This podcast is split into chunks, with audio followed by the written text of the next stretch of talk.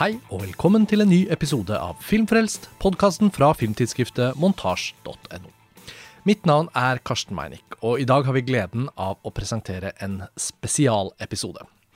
Våre to gjester er filmhistoriker Peter Cowie og skuespiller og regissør Liv Ullmann.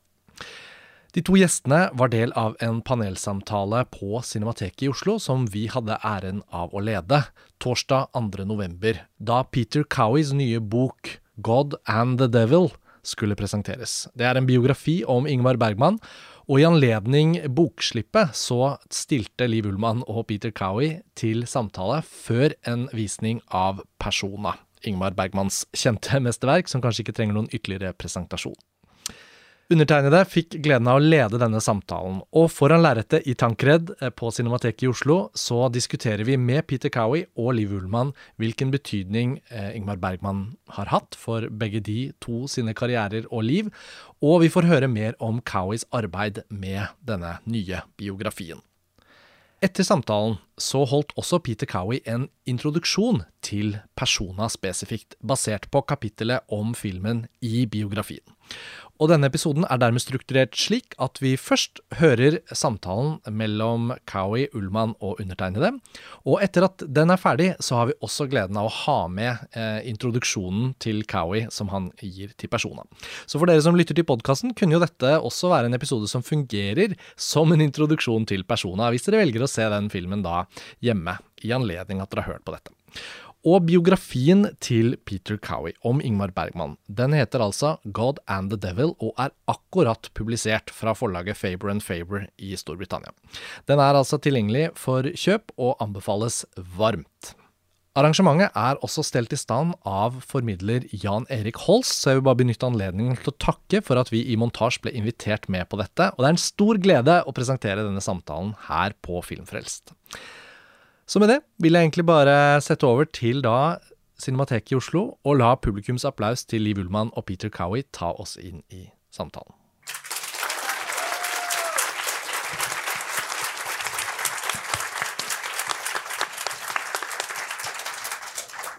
It's such an honor to meet both of you. And Liv, I'll get to you very soon, but tonight's guest of honor is Peter Cowie, film historian par excellence. And uh, this is such a major work that you're presenting tonight. This book, God and the Devil, is kind of a lifelong circle that comes to its conclusion in a way because Ingmar Bergman has been such an important film artist in your life as well.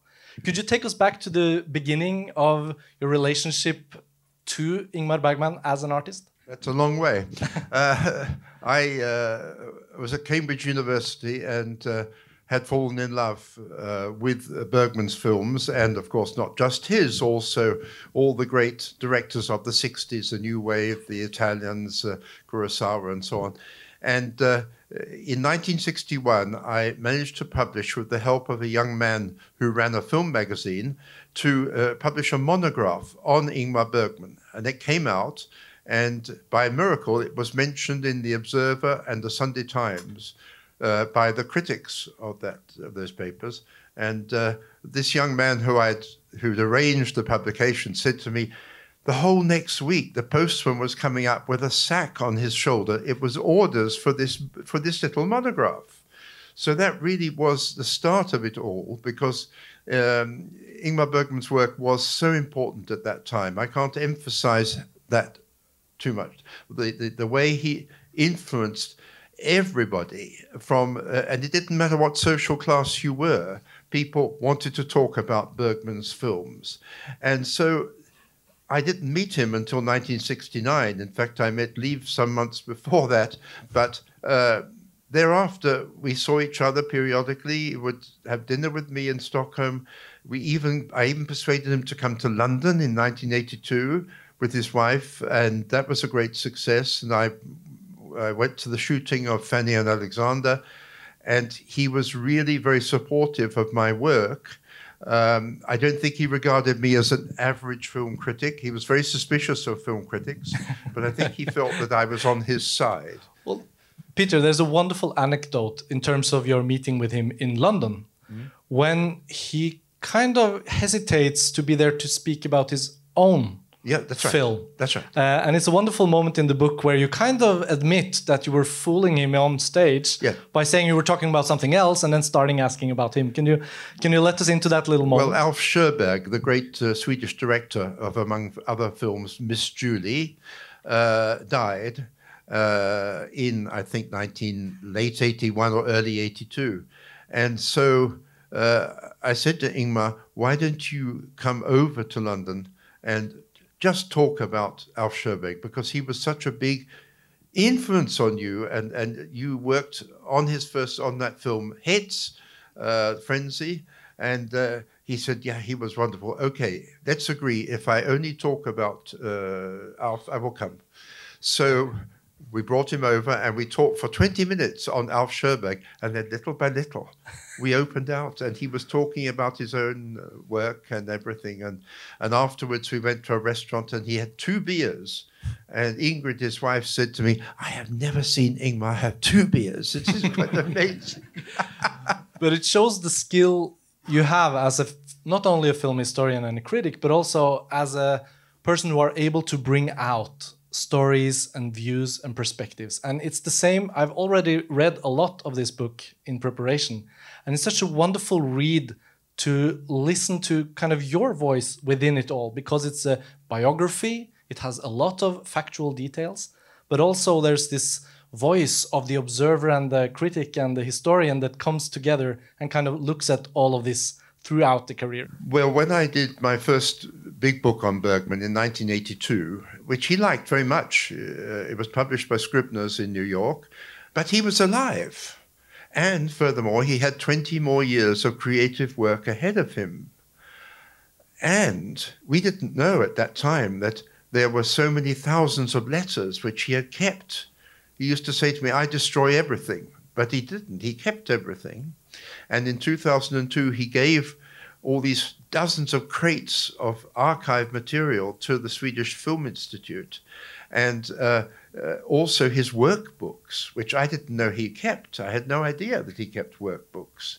Uh, I guessed that he kept a diary, but uh, uh, workbooks, no. And so uh, now I've been able to access these sources. And furthermore, Ingmar has passed away. Uh, rest in peace. But uh, you can say things which you could not say when he was alive without hurting him or hurting people around.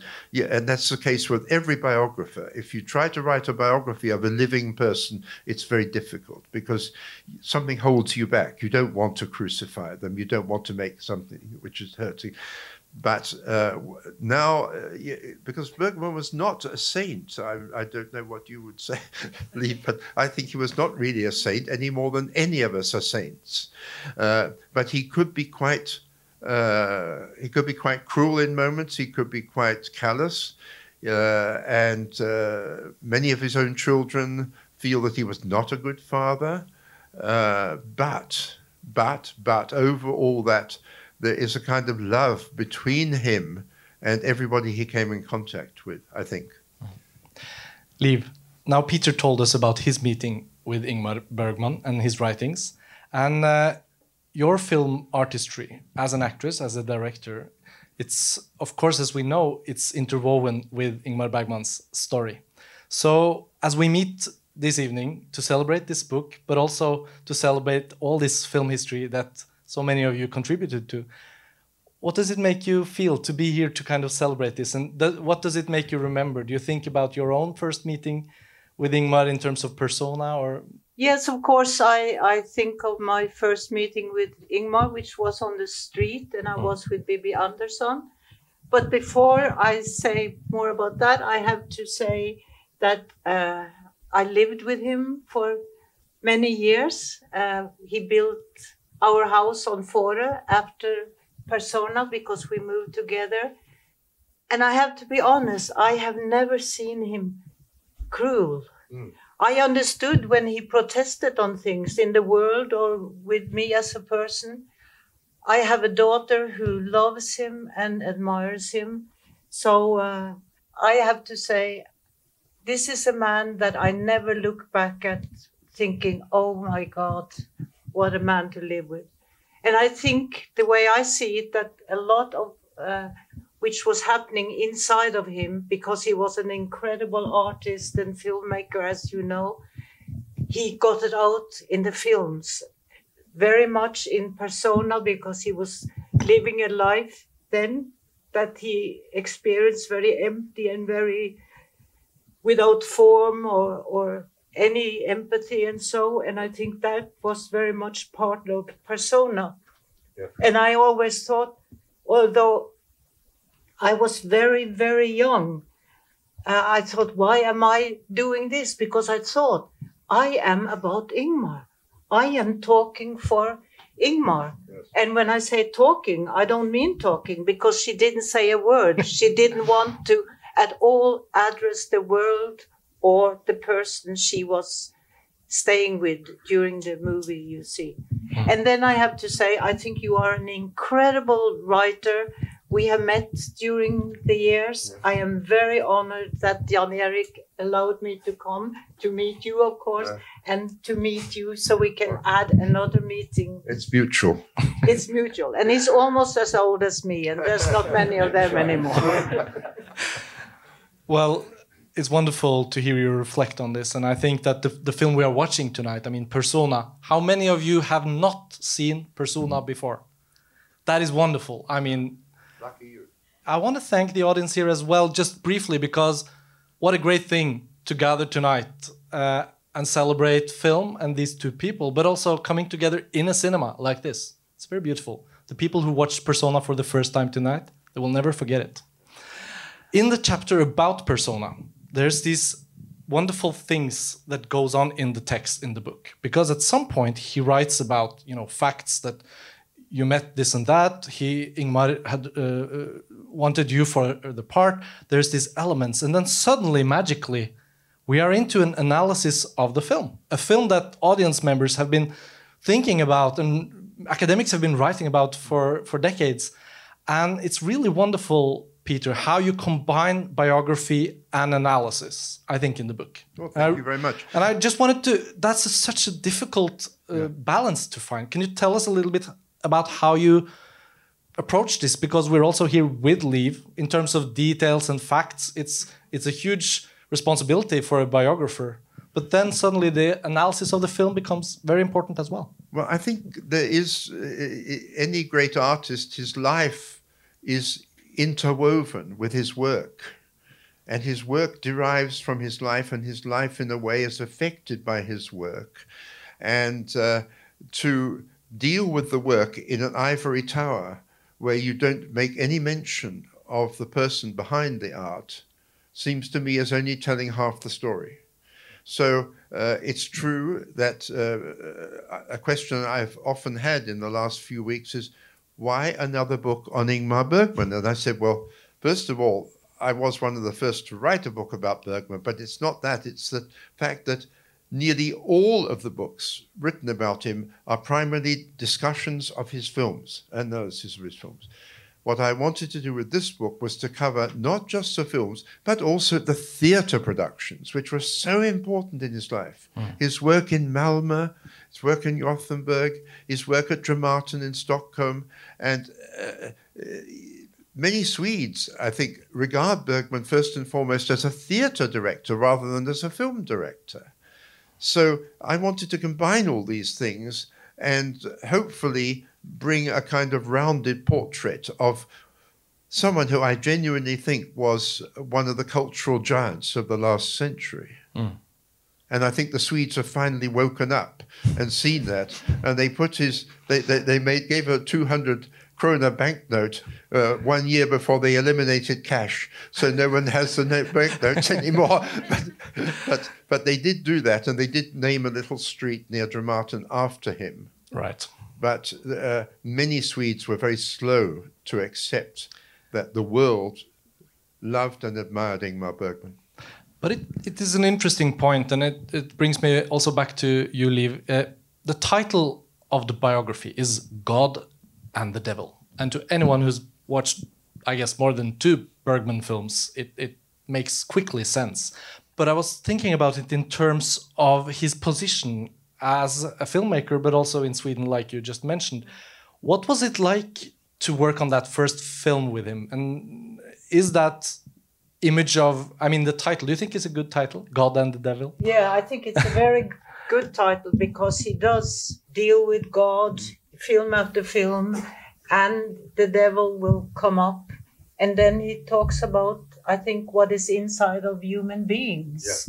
And the devil coming inside of human beings. And the demons. and the demons coming into people and there's a lot of talk about that today you know that people themselves carry the demons uh, so uh, i to be in a movie i was 25 years old luckily i didn't have one line i had one line which was nothing and and and uh, according actually to your book and to other books, that wasn't me saying nothing either. That was Bibi. I Yeah. didn't even. s- Uh, Ingenting. Ingenting. Yeah. Ingenting. So you didn't get to say your only line? No, but I, I thought I did, but apparently it was somebody else. And I, I just realized that now when I'm reading these books.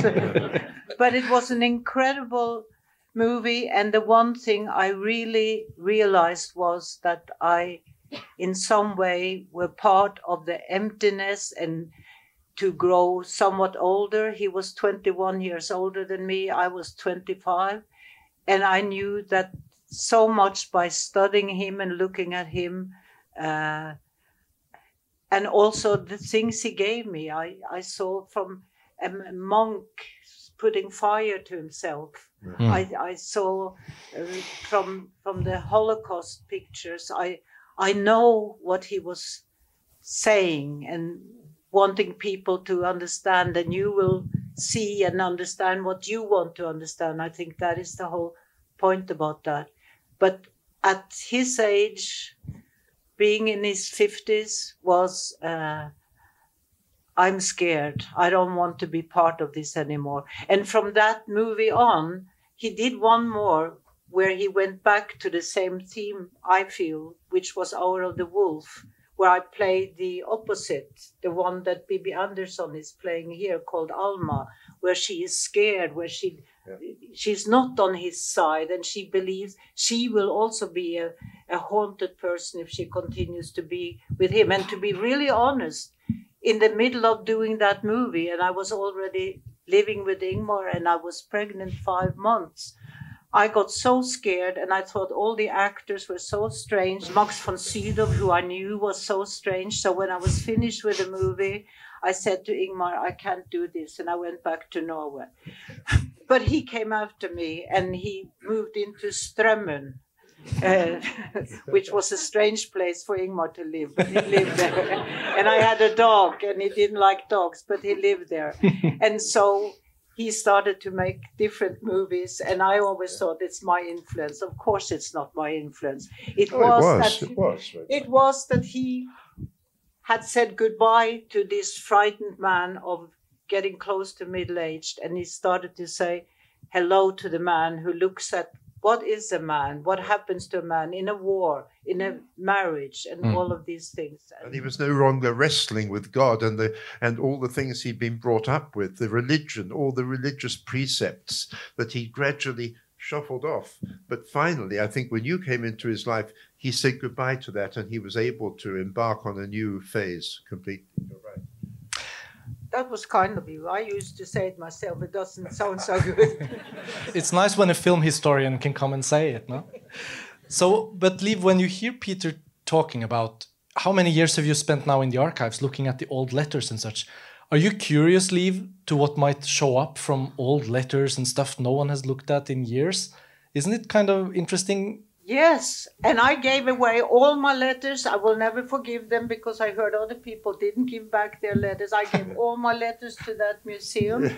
and there was one movie that I said no to, and I had no reason. It wasn't a comedy the way he told me, which was uh, Fanny and Alexander. And I said no because I'm not doing more Ingmar Bergman movies. and he wrote me off. He he sent me some letters and called me dear Liv Ullmann, and it was terrible. And then we made friends. But I Yeah. this is a long answer to what you said. I heard in the script because he made my part into somebody younger who was really excellent.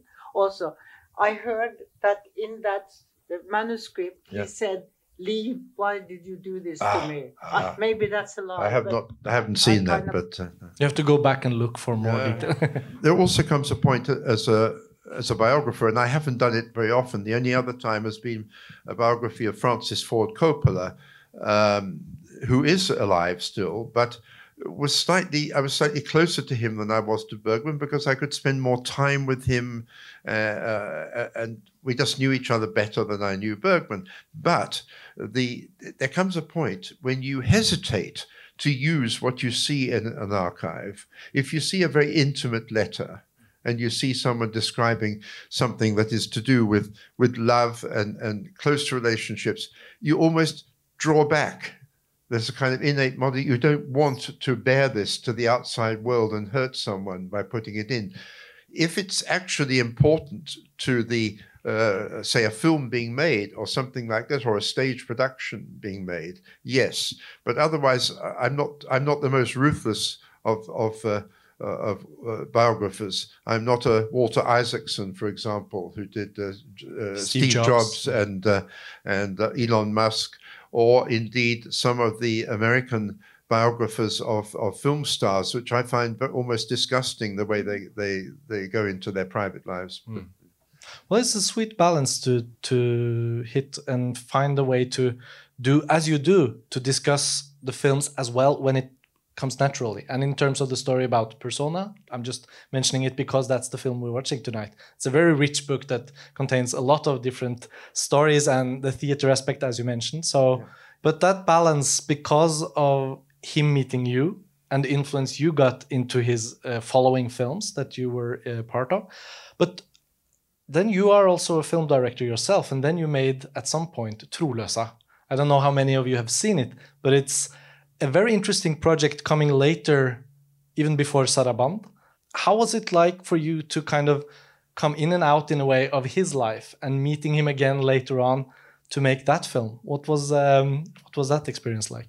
Well, I was surprised because he was still talking about wanting to make films, and he did make another film. He made Saraband, but he asked me to to uh, direct it, and I said, "Why is that? You believe in God, I don't believe in God anymore."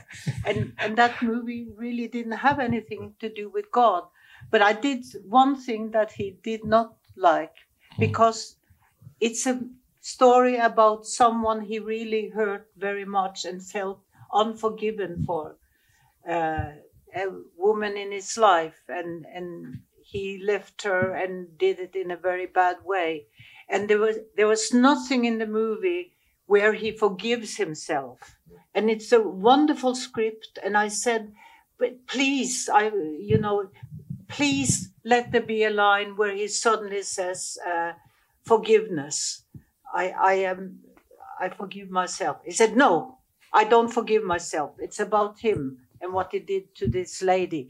But then I did this because I was the director and he was not there. He was on, on the island. And the man who is playing him is called Bergman. And I said to him, he's called Bergman, so it is you. I couldn't think of another name. Bergman it is. And then there's a young man who does this unforgiving thing to this lady and leaves her in a very bad way uh, in the script, this young man, Bergman, sits in front of a mirror in the script and says, It's so terrible. I left her. I did this to her. I did this to her. And oh, it's so terrible. I, I will live with this uh-huh. sin always. And so, and, and then what I did, I didn't have the young man, Bergman, sitting in front of the mirror and accusing him and accusing him. I had him sit in front of the old Bergman, called Bergman, it wasn't Bergman, he said, but it was Bergman, and that was Erland Josephson. So I had the young man sit and tell the old man, Bergen, I did this, I did yeah, this, and he yeah. was suffering, and it was really. Yeah. And what does the old man Bergman do when the man is finished with his, eh, looking so heart struck? He leans over And touches him. Yeah. And that- does. That's right. Yes. and does this. Yes. I. And when he saw this later, when I showed him this, you know, cutting, he said, Oh, yes, yes, I'm the director. No, that's not true. I didn't say that. I cried. but it, it's, it's very interesting because uh, Daniel Bergman, who made Sunday's Children, he tells us a, a, similar thing happened. There was a scene in in Sunday's Children when uh, uh, Per Myrberg, as a very old man, comes to to come to terms with this dying father, the, who is the old uh, Thommy Berggren, and uh, he can't bring himself to forgive uh, his father either. And that, and Ingmar did not like that scene and said to Daniel, "You must cut that out. You must cut it out." And he said, "No, I'm going to keep it in. Either that or I walk off the picture." And so, and Bergman did not want to direct that film himself. He'd written the screenplay for Daniel, so he finally gave in. And the film has that wonderful sequence in it, rather similar. Peter, can I ask you, um, as you approach telling the story of the late phase of Ingmar Bergman, he after Fanny and Alexander, he says no more films. Uh, he wants to go and relax and retreat, kind of, uh, at Fårö. And then there's Trolösa and then there's Saraband.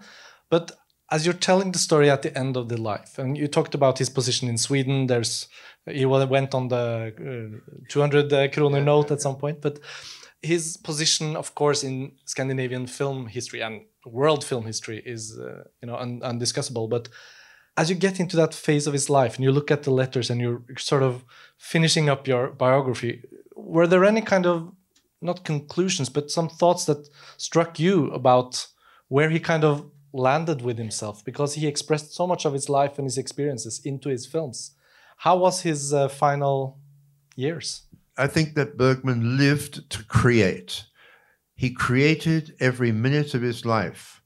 He just worked night and day from about the age of 18. He was writing and directing like a maniac. He just never stopped. And if you look at the back of my book and you see that he did over 150 plays mm. and he made over 50 films and television programs on top of that. And he was an administrator at the Royal Dramatic Theatre for three years. Uh, how this man packed into a life about 10 normal people's lives is a mystery to me. He just had some internal engine. And the only parallel, the only other uh, parallel I can think of is Rainer Werner Fassbinder, who produced 46 films in about 16 years of hectic activity. Mm. And then and, he died. Though. And then he died. But someone said to him in an interview, When do you sleep? And he said, I can sleep when I die and yeah. he did, of course. Yeah. But I mean, Bergman, Bergman was the was the only sleeps with the fishes. He, he, he, just baffled me. He was always doing something, and that is why he was so impatient with people who were late for appointments. He got very angry if they were one minute late. He couldn't understand that the rest of the world often liked to take it easy, or that there might be an accident on the road, or that they, they couldn't make it. Uh, he was absolutely insistent on a program and um, I think he respected that in other people when he sensed that they were like that too. Mm. Uh, and that's why we had, at a certain point, there was a kind of um, symbiosis between us. Obviously, mm. not on the level that you had lived, but I mean, uh, there was a, a, a, tiny incident which meant a lot to me. After Fanny and Alexander was shown in London for the first time, there was a small dinner hosted by the distributor and uh, who was a very talented German who had come to England uh, after the war and built up a, a, company for art house films. And we were Ingrid Bergman, his wife Ingmar, was opposite me, and um, suddenly this man who had been drinking, I think he was nervous about the reaction to the film, so he'd been drinking a lot, and he suddenly shouted down the table. Uh, uh Mr. Bergman, why do you why do you take this guy Cowie so seriously? And it was terrible moments, you know. Mm. And Ingmar just, he, he didn't look at that man, he looked at me. And he looked at me, he said, I think we understand each other. Mm. And I was very flattered by that. And the guy was just, he couldn't, uh, he didn't know how to deal with that. and the dinner went on. But I was very, uh, that was an anecdote for me, which um, meant that somehow he appreciated what I'd written about him. You know? So, no better person to finish this uh, book then. Um, at the end of his life, uh, Liv, how did your paths cross at the, the final years of his life? Well, I visited him at times, but uh, not so often. But I live in America, but uh, I was in Norway, and I suddenly felt uh, I have to be there. We had done Saraband, and when that movie was finished, uh, he stood in the door. There was going to be a big dinner, and he said, I'm not going to be part of the dinner. I'm leaving now in a private plane to Fårö, and I'm never coming back Ah. to Stockholm. Yeah. And then he left and didn't come back to Stockholm ever. And in Saraband belongs to the story. I am an elderly woman who comes home to my ex-husband, and the ex-husband wanted her there. Uh, she thought, and he asks her, "Why did you come and visit me now?" And she says, "You called for me." And this time in Oslo, I felt, Ingmar, I want to see you. And I took a private plane. I've never done that before. And I went to Gotland and to Fårö and to the former house, mine, and which was his always from then on. And uh, he didn't want visitors, but they knew me, the, the people who were there. And I knocked on the door and I said, Come in, come in, he's going. And I didn't know he was going. And so I went into the bedroom and he was lying there and he was he was really on his way. He was like this. And I maybe said something and so and then I suddenly said to him, Do you wonder why I'm here? Yeah. "Mhm." I said, You called for me. And saying that, it was like I was waving to Yeah, him. yeah. And uh, I sat a little and then I left. And a couple of hours after, he left. Yeah. And that is that is such a wonderful thing to think about that I was allowed to be there. Yes. And tonight we are going to celebrate one of the great films that you made together. Um, Peter, Yeah. I was just watching time as you, as a great moderator, are good at doing. uh, I've been seeing you as a moderator so many times, so it's like two heroes on stage here for me. We're going to move into the next phase of this evening. And Peter, you will now give an introduction to Persona. And we'll just make a short little scene shift here. And after Peter's introduction, we will have the screening of Persona. So for this little session, I'll say thank you very much. Thanks for you. And you too, thank you so much for sharing.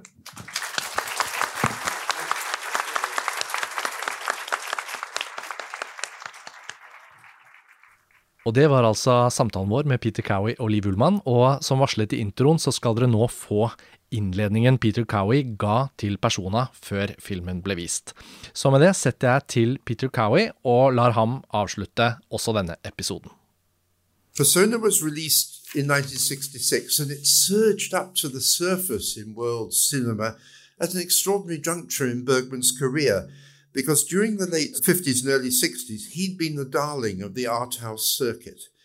And then, as the most striking works of the new wave, Godard, Truffaut, and so on, and, and of, of directors who really uh, were dealing with society, uh, like the British uh, uh, new wave uh, John Schlesinger, Lindsay Anderson, Karel Reisz, and in his own country, like Bo Widerberg, who was making films like The Pram and Raven's End, uh, he realized he had to do something.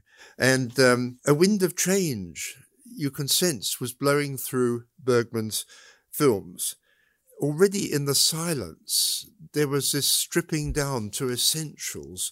Um, and he knew that he had to impress an international public a second time. He'd done it in the 50s. Now he had to start all over again and convince them that he was interested in the future of the medium. Um, persona is Brechtian in its distancing effects. It's perplexing in its intuitive attitude to human relations.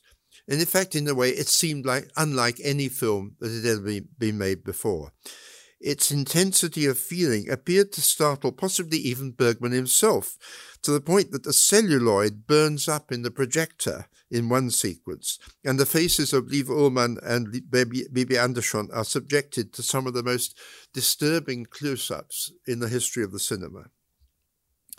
Persona is a disquisition on film technique, a critique of cynical indifference to world events, and we should learn from that today, uh, and an exploration of the blurred demarcation lines between fantasy and reality. Seen today, it looks newly minted by comparison with almost every film produced in the mid 60s. However carefully scrutinized, persona remains mysterious. It's aloof, it's out of reach, the most tantalizing of all Bergman's works. And yet, it might never have been made, because in July 1964, Bergman had embarked on a script he called The Cannibals. It would be his longest piece of writing to that point, and he intended the film to run for four hours and be released in two parts. So far, so good, because Bergman was enjoying huge success in his other domain, the theatre, producing a wonderful staging of Ibsen's Hedda Gabler. But in January of 1965, he fell ill with what was first diagnosed as a heavy cold, then pneumonia, and finally antibiotic poisoning, although Bergman was often conveniently ill at certain times in his life. So you have to take that with a pinch of salt. Plans for the cannibals had been shelved and the actors' contracts had been cancelled. And the screenplay would resurface two years later as Hour of the Wolf, as, as Liv has mentioned to us. But suddenly, he was ready to start filming again. Miraculously, he recovered during the summer. And at a press conference to launch Persona, he called the project a sonata for two instruments. He told the journalist Stig Björkman that, quote, one day I suddenly saw in front of me two women sitting next to each other and comparing hands. I thought to myself that one of them is mute and the other speaks, unquote. Now, Persona does indeed revolve around two women, superbly played by Bibi Andersson and Liv Ullmann. And their interaction on a remote Swedish island shapes the narrative of the film. No other male director, in my opinion, has written parts for women quite so perceptively as Bergman. And Bibi Andersson once said, Sometimes I think that artists instinctively are very good psychiatrists. The use of his favourite island, Fårö, is crucial to the film even if a majority of persona is shot indoors. The austere landscape, the ever present sea, and the sense of solitude it arouses reflect the loneliness of the two women, each trapped in a cocoon of inhibitions. The almost sensual black and white cinematography of Sven Nykvist may be the best he ever achieved, and Bergman's frequent use of actors gazing into the lens, at the audience as it were, adds a kind of three dimensionality to the imagery. So I think Bergman quite consciously decided to leap into the void and experiment with the medium as never before. In Persona, he abandons all debate about God and the meaning of existence. From the very first shot, Persona grabs your attention and it never lets you go. The prologue is a kaleidoscope of sounds and images that have nothing specific to do with what will happen in the film but they suggest that Bergman is questioning the nature of film as a medium.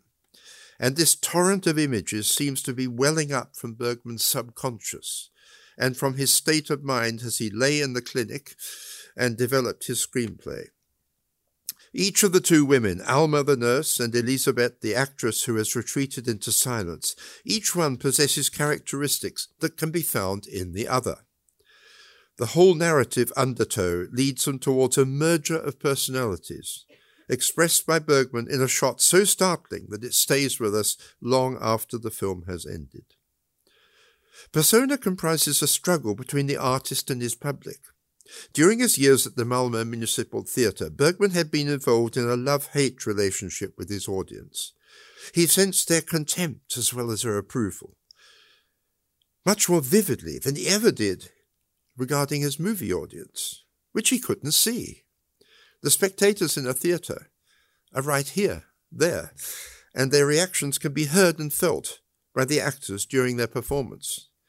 And in persona, Elizabeth, the artist as it were, refuses to divulge her secrets to Alma, who grows more and more frustrated as the film proceeds. At first, Bergman wanted to call the film cinematography, but the producer Kenneth Fant, loyal though he was to Bergman's whims, had a fit and felt that mm. Svensk Filmindustri could not proceed without a better title than that. So Bergman then considered Sonata for Two Women.